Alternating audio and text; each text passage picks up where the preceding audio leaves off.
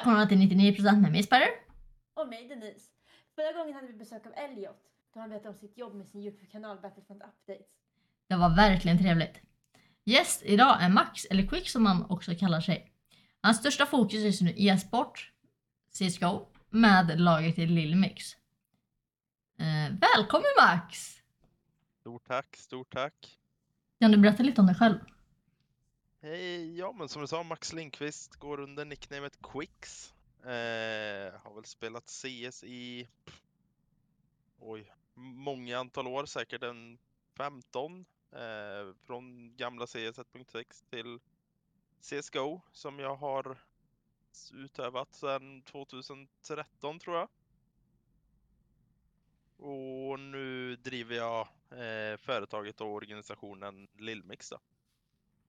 Är supercoolt. Hur, hur fick du idén att liksom starta ett lag um, och liksom bygga vidare på det? Oj, det, det var väl egentligen att jag eh, har blivit lurad av så många organisationer tidigare. Eh, det finns organisationer som är skyldiga mig många, många tusenlappar. Det finns en organisation som är skyldig 140 000 och lite sådana grejer. Så det, det, det startade väl med att jag blivit lurad och scammad eh, och att jag ville ha kontrollen själv då. Eh, och sen eh, fick jag chansen nu med Lillmix att vi startade ett mixlag eh, och det gick väldigt bra för oss och då valde vi att fortsätta med det då. Och nu har vi haft den turen och men även jobbat stenhårt för att få eh, investeringar och eh, sponsorer som betalar så vi kan göra det här på fulltid. Kul! Alltså det är jättesvårt att verkligen hitta rätt för det är många som vill lura så det är mycket så här när man är ung också. Mm. Eh, så det var ju bra att du tog det i egna händer och liksom kör på, på Lingmix och vi har ju sett er spela och man ser ändå så här stoltheten bakom det. Mm. Så, så det ska ni ha för. Mm. Ja, hur började din resa? Oj. Jag var väl semiproffs i gamla CS. Eh, jag spelade med väldigt många proffs. Jag spelade lite med Getright, jag spelade lite med eh, en som nickade Snil som spelade i eh, han spelade SK Lions hette de som var rankade typ 10 i världen i gamla CS. Eh, sen kom ju CSGO och jag trodde väl inte riktigt på spelet i början. Eh, jag startade inte, eh, CSGO kom i 2012, jag startade inte första året utan jag fortsatte med 1 det ångrar man väl lite idag och när jag väl startade med CSGO första året, typ 2014, efter ett år så fick jag mina första HLTV-matcher då, HLTV som är den största CSGO-sidan som finns i världen då. Eh, det är ju där alla vill spela. Eh, då fick jag mina första kartor, vi, blev, eh, vi spelade e-sport SM hette det då. Vi förlorade mot Fnatic i semifinalen och så kunde inte ett lag som heter ENS komma till eh, huvudturneringen på DreamHack, så vi blev inbjudna i sista sekund eftersom vi var där och vi var svenskar och vi kunde ta oss på plats ganska, ganska enkelt då. Eh, det gick ju inte jättebra. Vi mötte alla topplag, Virtus Pro och hela den biten. Eh, det gick inte jättebra, men det var egentligen där det startade. Så efter ett år spelande så eh, var man redan på tapeten om man säger så. Oh. Eh, så det, det, det har väl varit så. Och sen kvalade vi in till en stor liga som heter Sevo Pro League. Där vi lyckades eh, vinna över eh, Nipton när de, hade, när de var rankade etta i världen. Och det var kanske där allt tog fart egentligen. När vi vann på HLTV mot Nippo. Det är också stort. Vissa har väl slagit dem i något kval som de inte syns i och sådana grejer. Men vi slog dem på HLTV inför väldigt, väldigt eh, mycket folk som tittade då. Och det var det där eh, genombrottet kom då. Eh, sen 2016 så sa jag upp mitt vanliga jobb och sen 2016 så har jag eh, levt på att spela datorspel då. Så det är närmare sex år nu som jag har levt på att spela dator. Vad kul! Det måste varit en riktigt så stor känsla ändå. Att så här, vinna och få vara med om Ja. allt det där. Ja men absolut, jag har gjort många, många resor i mina dagar också. Eh, mycket turneringar runt om i Europa och hela den biten. Eh, så det, eh, det var väl stort att slå dem, men sen har vi gjort större saker egentligen. Eh, men det var väl där genombrottet var. Eh, Sen var det väldigt häftigt att kunna säga upp sitt jobb och kunna överleva på att spela datorspel. Då. Det är inte många i Sverige som, som gör det. Ja, verkligen. Det är verkligen så här en stor kontrast och ändå få känna att så här, wow, det var värt att satsa och nu är jag här. Mm, ja men precis och just när jag sa upp jobbet det var då vi fick det proffskontraktet och egentligen där vi blev scammade. Vi fick första lönen och sen slutade det komma löner då. Så det var väl en liten stress när man hade sagt upp sitt fasta jobb och sen blev det pannkaka av allting. Men det lyckades ju ändå. Jag trodde på det och eh, ja, jag var utan lön i 19 månader när jag trodde att jag skulle lyckas med Lillmix. Så det, det har ju varit en ja, nästan två år utan att ens ha en inkomst. Eh, men jag trodde verkligen på Lillmix, jag trodde på mig själv, jag trodde på att jag skulle lyckas inom eh, framförallt företagandet, men spelet visste jag att vi kunde lyckas i. Eh, vi fick en del offers från andra organisationer och spela under deras namn då, på löner och sånt. Men eh, jag valde att tacka nej och jag trodde verkligen på Lillmix och eh, det, det löste ju sig till slut. Jo, nej, men det är fint att höra. Det visar att liksom, man ska tro på sig själv, man ska tro Mm. på sin idé. Och man ska alltså, gå ditåt liksom. Mm. Jag tror också på att så länge man går åt rätt håll så kommer man hamna rätt oavsett vilka hinder man stöter på och vilka så här, kompromisser man kanske behöver göra. Så kan man... Ja men precis, vi har gjort väldigt mycket fel eh, och egentligen om man inte gör felen så lär man sig inte. Så man, man man måste bara våga och det, det är väl där eh, det skiter sig för några, att man inte vågar tro på det och man inte vågar ta steget, att man inte vågar eh, göra det man faktiskt vill göra. Eh, och det, det kommer ju inte på en dag det man vill göra utan det, det krävs ju hårt arbete, så är det ju. Precis. Mm. När du säger det här att ni fick lite motgångar. Hur skulle du säga är de bästa tipsen för att hantera just motgångar? Oh, jag tror alla har så olika. Jag, jag hade en väldigt stöttande familj. Min pappa eh, kollar på varje match. Han Åh. följer allting jag gör. Han hjälper mig med företaget och hela den biten. Och mamma eh, kollar väl inte på lika mycket matcher men hon likar allt vi lägger upp och sådana grejer. Så hon följer väl resultaten men inte kollar på matchen. Hon förstår inte riktigt. Men pappa är otroligt stöttande så jag hade väldigt tur i att eh, nära och kära stöttade och det gav en extra boost att de också trodde på det, att de såg någon potential inom det vi det jag gjorde då. Eh, så det alla har väl olika sätt att eh, handskas mot, alltså med mot, eh, motgångar. Eh, så jag, just min var väl att jag hade ett nära och kära men sen finns det ju andra andra grejer då. Eh, jag ser väldigt mycket motgångar som lärdomar. Att om, om man inte kan förlora och göra fel så kan man inte heller lyckas och göra rätt.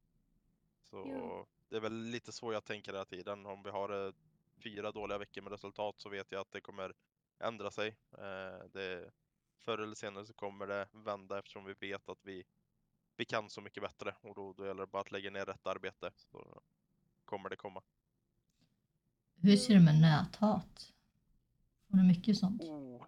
Ja, herregud, vi får väldigt mycket näthat. Det, det är väl jobbigare för de som är nya till det. Eh, det är otroligt mycket betting involverat i, eh, e-sport och våra matcher. Folk bettar skins, folk bettar pengar, folk bettar det ena och det andra. Eh, och om vi gör fel så förlorar matcher när någon bettar på oss så kan det komma ett par väl valda. Men vi där man är van vid det så brukar man mer skratta åt det och kunna skämta bort det då. Men eh, för de yngre och de som kanske inte är riktigt vana vid det eh, så är det väl ganska tufft gissar jag på i början. Eh, men eh, man, man, man lär sig att handskas med det och jag tror framförallt som en så här professionell idrottare eller e-sportare så kommer det alltid finnas det och det, det, är samma i streaming,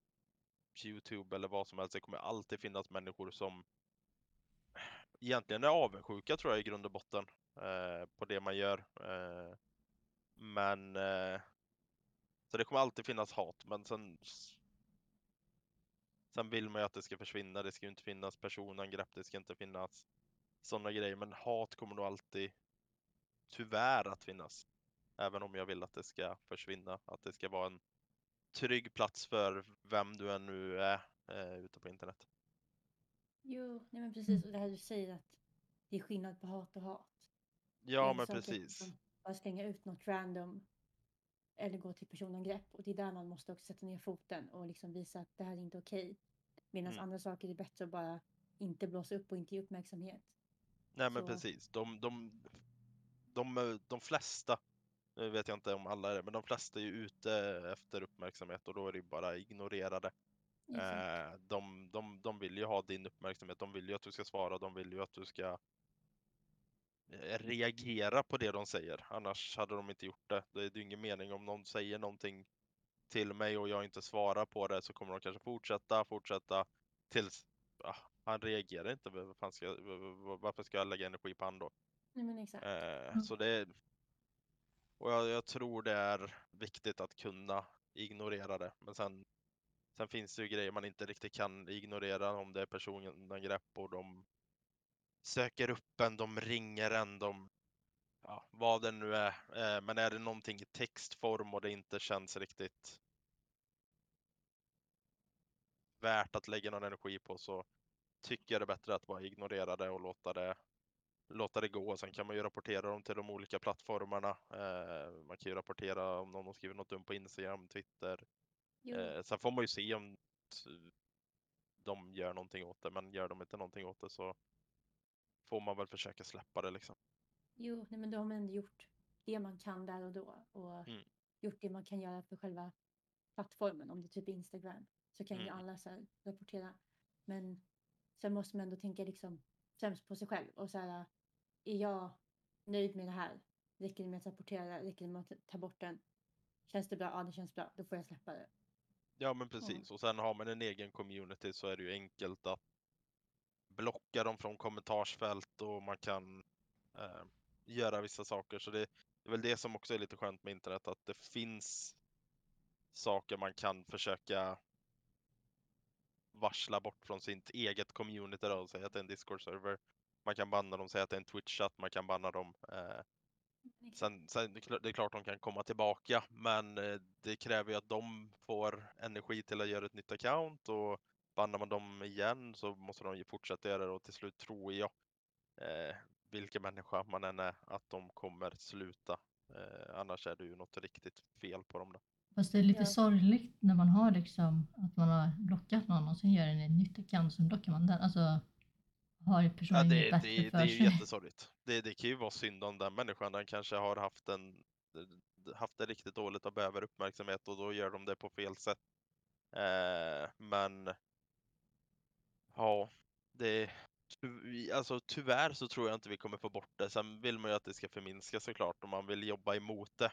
Eh, men det kommer nog alltid finnas hat, tyvärr. Eh, men sen gäller det att vi framförallt vi större profiler, eh, alla topplag i, inom game om man pratar generellt CS, att vi är rätt människor som faktiskt visar att man inte ska hålla på med sånt här. Eh, att man, influen, alltså, man är en bra influencer för att visa att det, det inte är acceptabelt. Om vi gör det så kommer andra göra det. Så det gäller att vi inte gör det heller, att vi säger några dåliga ord, skriver något dåligt på sociala medier eller så.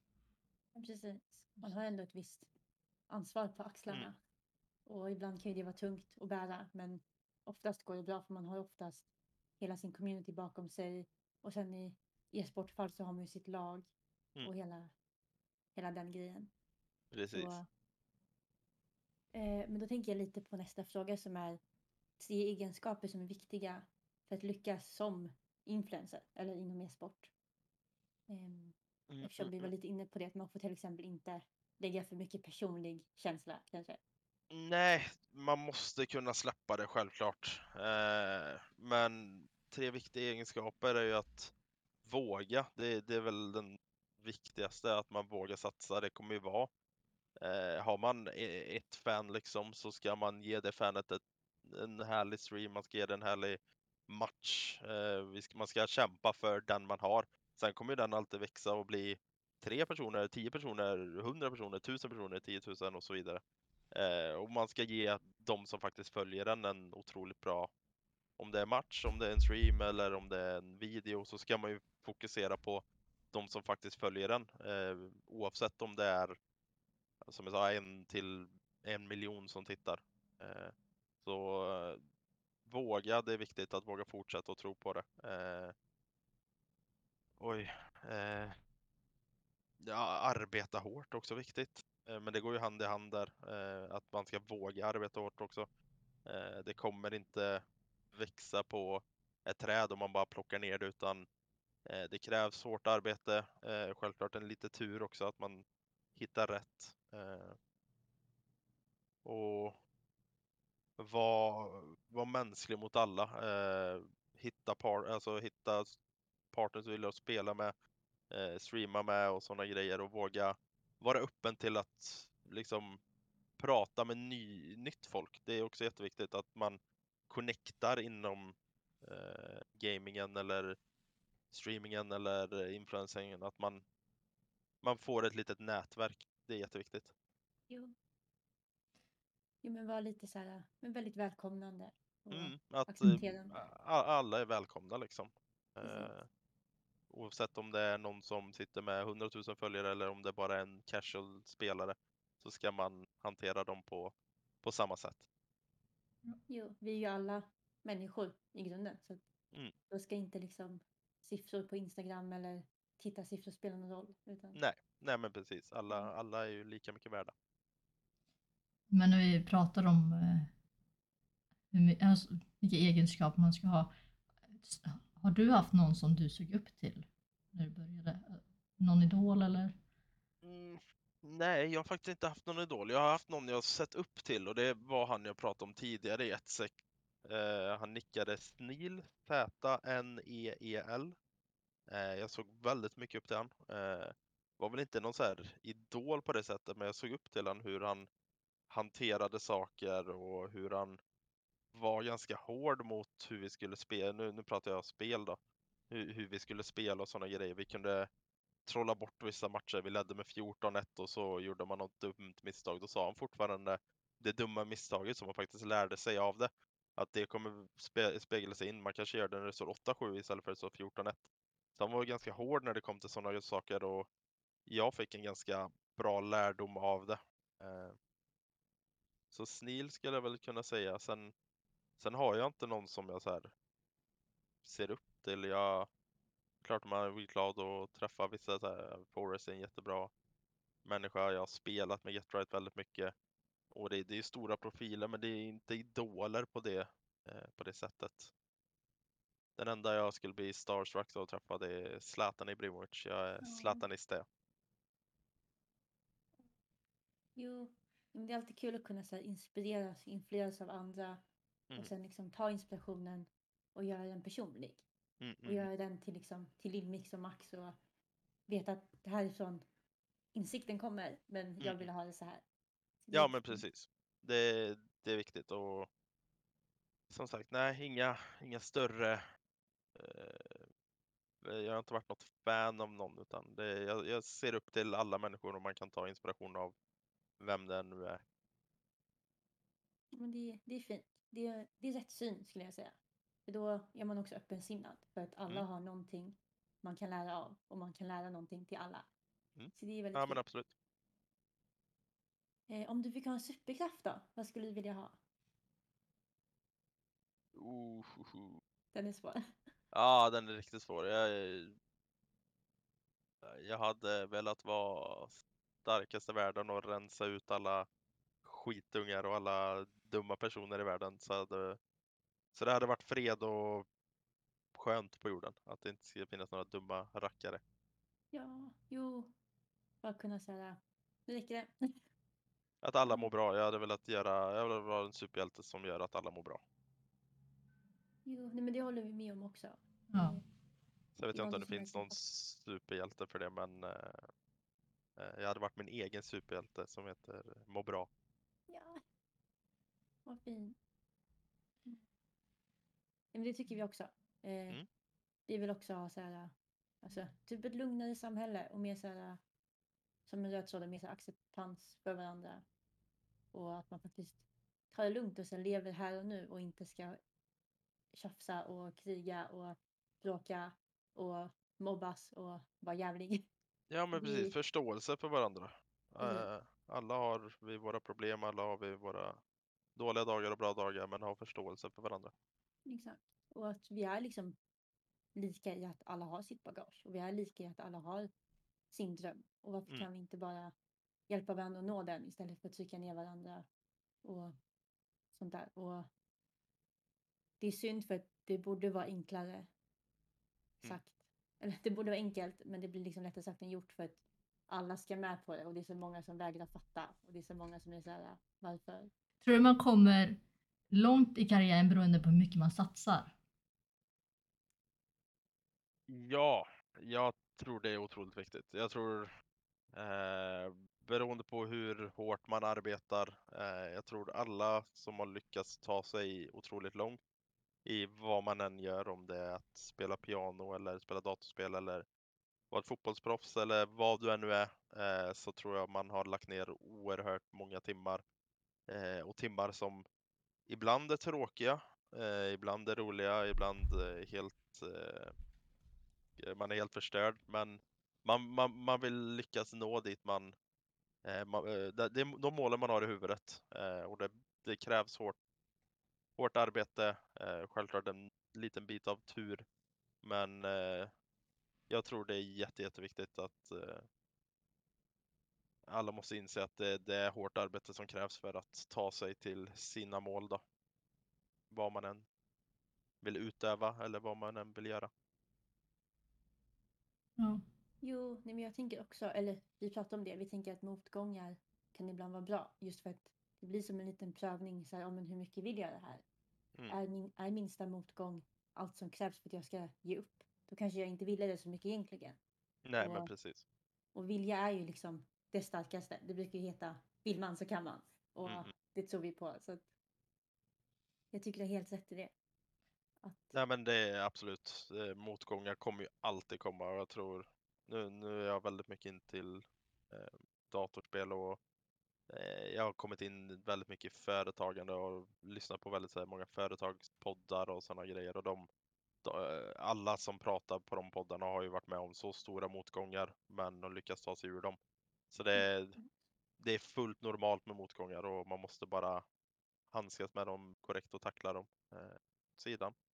Sen på medgång och dit man vill ta sig.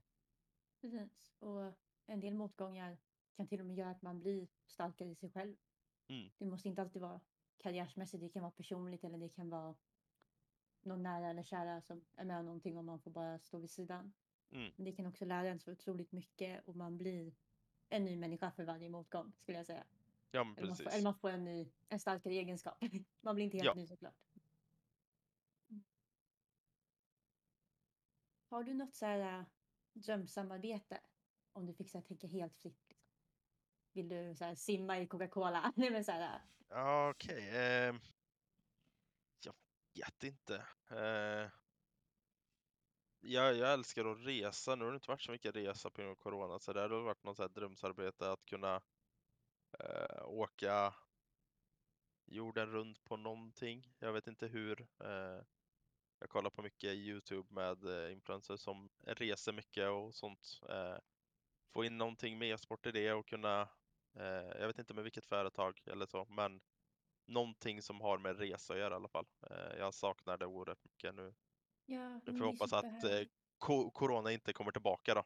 Eh, eller kommer tillbaka, att det inte blir lika stort som det har varit. Det, det är klart corona kommer alltid finnas tyvärr och det Jo. kommer vara en influensa och sånt, men att det inte är ja, lika stort som det har varit tidigare. Då. Ja, precis, att det inte sätter lika mycket isolering och hinder så att man Mm. kan få, få leva lite. Det Ja, men precis. Så resa. Vad är ett dröm, eh, Mm. drömsresemål? Oh, någonstans i Sydamerika tror jag. Något så här eh, Brasilien, Peru. Nu, nu har jag varit i, jag har varit i USA, jag har varit i Kina, jag har varit i, i de flesta länder i Europa. Eh, men jag har faktiskt aldrig varit i något afrikanskt land eller i något syd, eh, sydamerikanskt. Så det, antingen något land i Afrika, något så här häftigt zoo, jag gillar djur. Något häftigt så här, zoo heter det inte, eh, savann, eh, vad heter det nu när man åker på Eh, safari? Safari, ja Ah. det hade varit ashäftigt att kunna göra något sånt eller vara på um, någonstans i Sydamerika. Så ett afrikanskt land eller sydamerikanskt. Eh, det hade varit coolt. Jag tänker nog att, tror att man har större möjlighet att lyckas med sina mål om det till exempel är att bli en influencer beroende på vilket land man börjar i. Ja, eh, ja eh, det är nog lättare i vissa länder. Eh, nu vet jag i alla fall hur det är inom gaming. Eh, det, det finns ju något som är liksom eh, all, alla länder har ju olika medellöner och sådana grejer. Självklart handlar det om att kunna försörja sig, ha mat på bordet och kunna betala sina räkningar när man satsar på någonting. Eh, och det är alla, alla länder i världen har ju olika eh, medellöner och livs... Eh, vad, vad det kostar att bo där. Eh, Sverige har en ganska hög eh, medellön och det kostar ganska mycket att bo i Sverige jämfört med Polen är ganska duktiga på CS och där är ju medellön mycket, mycket mindre. Eh, jag vet att typ så här, första lönerna man fick i CS var på någon så här 500 dollar, typ 5000 svenska. Eh, 700 dollar, upp till, upp till 1000 dollar ungefär. Och det kan man ungefär leva på i Polen medan här i Sverige så räckte det till hyran men inte till maten till exempel. Eh, och då, då är det lite lättare att kunna satsa eftersom du får en peng för att kunna överleva. Eh, Medan här i Sverige så kanske man behöver ta ett sidojobb eller någonting som gör att man behöver en inkomst då. Eh, så jag tror det skiljer sig och sen fansen också. Eh, jag vet inte riktigt vad det är som gör det men just Sverige är ganska strikt med att man helst inte vill följa människor, man vill inte stötta dem. Eller det finns ju människor som gör det men det, det är ganska stängt om man säger så jämfört med om vi tar ett lag i Turkiet som är ungefär samma ranking som oss, ungefär lika bra, så har de kanske 8000 som kollar på deras match medan här i Sverige när vi spelar, vi kan väl komma upp emot 500-600 folk som tittar ibland beroende på vilka vi möter. Eh, eh, och det, det är inte lika många som, som följer på samma sätt. Eh, jag vet inte vad det är som gör det, men det, folk är mer hängivna i andra länder till att stötta och hjälpa till och följa deras eh, spelare, deras eh, lag, deras organisationer, deras influencers, streamers och sådana grejer. Eh, så jag tror det kan skilja sig lite från vilket land man är ifrån faktiskt. Eller vart man startar. Jo, men det där är ändå intressant för till exempel bara språkmässigt så är det ju enklare att köra typ engelska än svenska skulle jag kunna tänka. Och då är det kanske lättare att sitta någonstans som är mer internationellt än att sitta i Sverige. Mm. Men sen som du säger också så har ju Sverige många andra bra fördelar. Ja, det, det finns alltså. Sverige är ett otroligt bra land och alla skatter och sånt. Man, man känner att man betalar väldigt mycket skatt och sånt, men det går ju oftast till att det blir någonting bra med landet. Vi har fri skola och sjukvård och hela den biten. Så det, det går ju hand i hand allting. Men som sagt, när man väl satsar och när man är eh, 18, 19, 20, 21, alltså du är så här, då, då, då tänker man mer på eh, sig själv och så här, fasen ska jag skatta på mina 5000 kronor för det? Jag måste överleva på det. Eh, men i slutändan så är det någonting man skattar till som går till någonting positivt liksom. Jo, nej men folk sitter ju liksom på TikTok och tror att det är ett lifehack att Sverige har gratis sjukvård. Så bara det säger en del om hur lyxigt vi ändå har det. Ja, Men precis. sen förstår jag också när man är, ju yngre man är, desto mer senserat brukar man tänka. Mm. Och då är det som du säger också att varför ska jag skatta på 5000 spänn? Men vi kommer tillbaka. Ja, ja men precis. Det, förr eller senare så kommer man få tillbaka det på något sätt om det är sjukvård eller skola eller vad det nu än är. Men apropå överleva då, vad har du favoritmat? Oh, ja, tacos tror jag. Tacos är nog mitt favorit. Det Ja. går att göra på många olika, många olika sätt liksom. Jo men exakt. Det är så här, man kan göra så att det passar alla. Tacos är gott. Tacos är Så- bäst. Så jag, jag tror det är min favorit. Sen, sen gillar jag väldigt mycket mat. Jag är inte så jättemycket för så här, godis och sötsaker. Jag är mer för mat. Jag gillar så här, jag vet inte om det låter gubbigt men så här eh, charkbrickor, asgott ost och sådana. Mer Ja. salt än sött är jag mycket för. Så mat generellt tycker jag är jätte, jättegott. Jo, nej Mm. men alltså, to be honest. God mat slår gott godis Ja. Ja. i Ja. hästlängder. Jajamän, Sen är gott jajamän. godis också nice, men mat. Men sen, sen finns det ju jättegod mat, men om man bara tar en på det är ju tacos. Men sen har jag ätit så otroligt mycket på alla så här resor. Det har varit så här sjuka matupplevelser. Vi har ätit så här Kobe-kött och eh, massa sådana så här grejer som man inte vanligt äter liksom. Eh, så det är klart, eh, den köttbiten slår ju tacos, men tacos är ju något så vanligt som man bara så här kan slänga ihop enkelt och eh, är otroligt gott. Så det är nog min favoritmat, men sen har jag ätit saker som är godare än tacos fortfarande. Jo, nej men det är ju liksom mat och mat. Som du säger, viss mat Mm. Är typ bara god om du äter den tillagad av någon som faktiskt kan tillaga den. Någon som Ja. typ jobbar med att tillaga den. Eh, och sen annan mat är liksom så här. Det här kan jag göra varje dag i en vecka om jag måste och det kommer vara gott. så, Mm, mm. Då, då, då väljer jag taco. Helt klart. Men eh, om vi kör sista frågan då. Vilket är Mm. ditt bästa karriärsminne? Oh, oh, oh.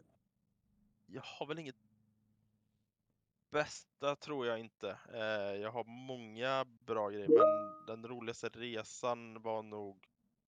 Eh, alla, vi kan ta... Eh, vi, vi var i en turnering som hette Gfinity i London och då spelade vi i en typ biograf nästan. Eh, det var en scen och så var det 200 platser kanske som var fullsatt och vi spelade eh, för BBC tror jag det heter, någon engelsk kanal. Eh, så det sändes på eh, TV då, nationell TV. Eh, och eh, vi reste, vi skulle egentligen fått ett hus och bo hela den sommaren i London och i Wimbledon. Men eh, då hade vi en från Ukraina i laget som inte fick visum. Så det blev att vi reste dit istället varje fredag i 12 veckor. Så varje fredag så reste jag till London och åkte hem måndagar. Så det var så här, man spelade matcherna, festade, åkte hem 12 veckor i rad. Eh, så varje fredag åkte jag hem varje måndag. Eh, och den upplevelsen var superbra och sen i semifinalen så låg vi, vi förlorade första kartan ganska stort med typ 16-6. Och vi låg under med 12-3 tror jag det var. Och så vände vi till 15-15, vann övertiden, sen vann vi tredje kartan och det gjorde att vi vann 30 000 pund, så ungefär 300 000 kronor då. Eh, vi förlorade tyvärr finalen, men bara den comebacken vi gjorde och hur stor turneringen faktiskt var, var det är nog favoritminnet. Och man bodde jävligt snyggt. Vi bodde på Stamford Bridge eh, som är eh, fotbollsklubben Chelseas hemmaarena. Och de hade match där och man fick se liksom alla fans och gå till matchen och hela den biten. Så det är nog det starkaste och sen hela det året innan det eh, så åkte vi runt i Portugal, vi var i Finland och eh, vi var i Danmark samma månad. Så det var eh, otroligt mycket resa eh, och turneringar och då kom vi trea, trea, tvåa. Tyvärr vann vi aldrig någon turnering men det var fortfarande stora turneringar att komma så pass högt upp då. Och det gjorde att vi fick en världsranking på 28 i hela världen då. Oj. Och då fick vi ganska mycket invite och det var det som gjorde att vi fick och då jobbade jag samtidigt som vi eh, gjorde alla de här så jag hade tur, jag jobbade på Stadium, hade tur att jag fick eh, ledigt eh, och eh, den butikschefen jag hade var väldigt stöttande i det jag gjorde och när vi väl gjorde alla de här resultaten så kommer jag ihåg det första kontraktet vi fick, eh, proffskontraktet med fulltidslön. Eh, jag åkte hem till mina föräldrar och berättade om det och pappa kollade igenom kontraktet och det såg bra ut och hela den biten. Så det var en så här häftig upplevelse att kunna ha gjort allt det där och sen helt plötsligt bara small det och vi fick ett proffskontrakt från en stor organisation. Liksom. Fint. Det är också det här som du säger med, med din dåvarande chef. Att så här, ju fler som faktiskt tror på en och ju fler som stöttar, desto Mm. mer brukar man våga satsa och desto mer tror man på sig själv. Mm. Sen så är det ju viktigare alltså, att tro på sig själv oavsett hur många andra som gör det. Och att liksom våga stå upp för sig själv och stå upp för att jag kan göra det här, jag är bra nog. Mm, mm. Men Ja, det är såklart svårt också. Så att ju fler man har som stöttar en, desto lättare. Ja, ja, desto- men precis. Desto Eh, bättre. Så det är hår, hårt arbete. Jag kommer ihåg vi var i den här lägenheten med eh, sex stycken. Vi var bootcamp här inne. Det här är en tvåa på 62 kvadrat så det är inte jättestort. Eh, vi var sex stycken killar där och eh, vi bootcampade morgon som kväll och jag åkte och jobbade samtidigt som de andra fem låg och sov liksom. Eh, jag fick åka och handla, jag fick laga mat, jobba och träna medan de andra sov, spela, sov, spela. Eh, så det, och därifrån har jag också fått så här mycket att jag var tvungen att göra det, annars hade vi inte fått det här bootcampet och hade vi inte kunnat åka på de resorna om inte jag hade jobbat och faktiskt betalat för dem. Eh, så det, det, det har gynnat sig till slut att göra allt det man har gjort liksom. Jo, nej men wow. Det är ändå... Det låter som väldigt mycket och det var säkert ändå kämpigt även om det liksom blir kul. Ja men Mm. precis, jag sov tre timmar varje natt och sen åka och jobba. Det var inte världens jobbigaste jobb, Stadium, jag trivdes jättebra där. Eh, Jag stod i skoavdelningen och hjälpte folk med skor och packade upp skor och hela den biten. Så det var inte jättejobbigt och det var en fast tjänst på 70% så det var inte 100% men det var en fast tjänst på 70% Så jag jobbade 30 timmar ungefär i veckan och sen var det lite det så här övertid. Där de frågade när jag slutade 17, här kunde du stanna stängning liksom. Så det var några timmar extra då och då. Men Mm.